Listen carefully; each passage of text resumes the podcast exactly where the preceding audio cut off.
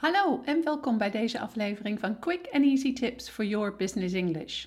Waarschijnlijk heb je aan de titel van deze podcast al gezien dat het dit keer gaat over drie specifieke Engelse woorden: could, should en would. Want wat is nu het verschil tussen deze woorden en wanneer gebruik je welk woord? En het belangrijkste, wat betekenen deze woorden voor jouw zakelijk Engels? Je hoort het allemaal in deze podcast. Mijn naam is Anneke Drijver van Improve Your Business English en de auteur van het boek Master Your Business English: Communicate with Power in 7 Simple Steps. Ik help ondernemers en doelgerichte professionals van hun middelbare school Engels af, zodat ze ook internationaal, met impact en vol zelfvertrouwen in het Engels kunnen communiceren.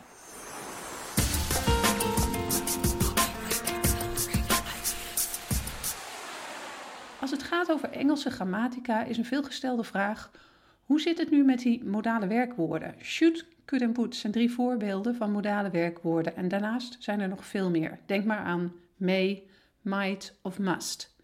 Maar in deze podcast gaat het echt alleen over should, could en would. Deze drie woorden lijken namelijk veel op elkaar. En wat gebeurt er met woorden die veel op elkaar lijken? dan zijn er vaak twee opties. Optie A is dat je de woorden regelmatig door elkaar gebruikt. En optie B is dat je de woorden helemaal niet gebruikt uit angst om fouten te maken, omdat je ze niet uit elkaar kunt houden.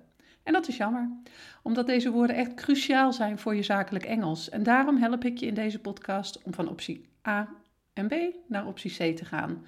Could, should en would op de juiste manier gebruiken.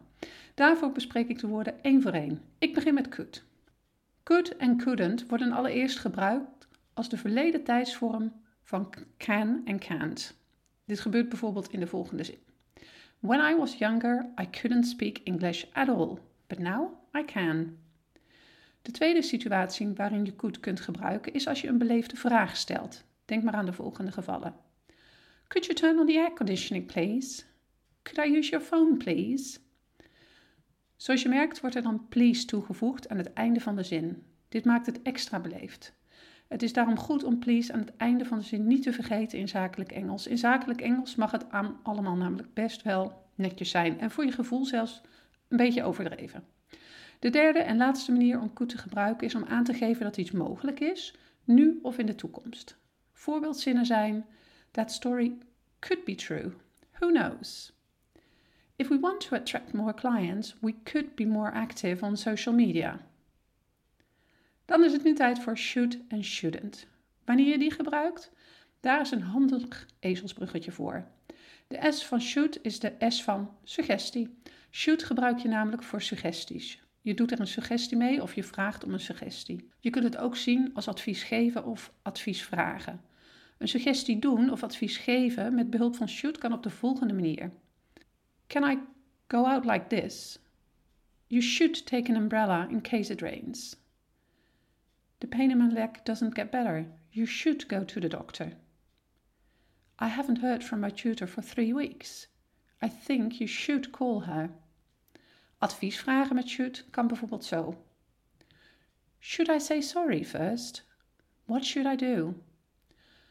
Tot slot kun je should gebruiken als je het hebt over iets waarvan je denkt dat dat het juiste, het beste of correct is.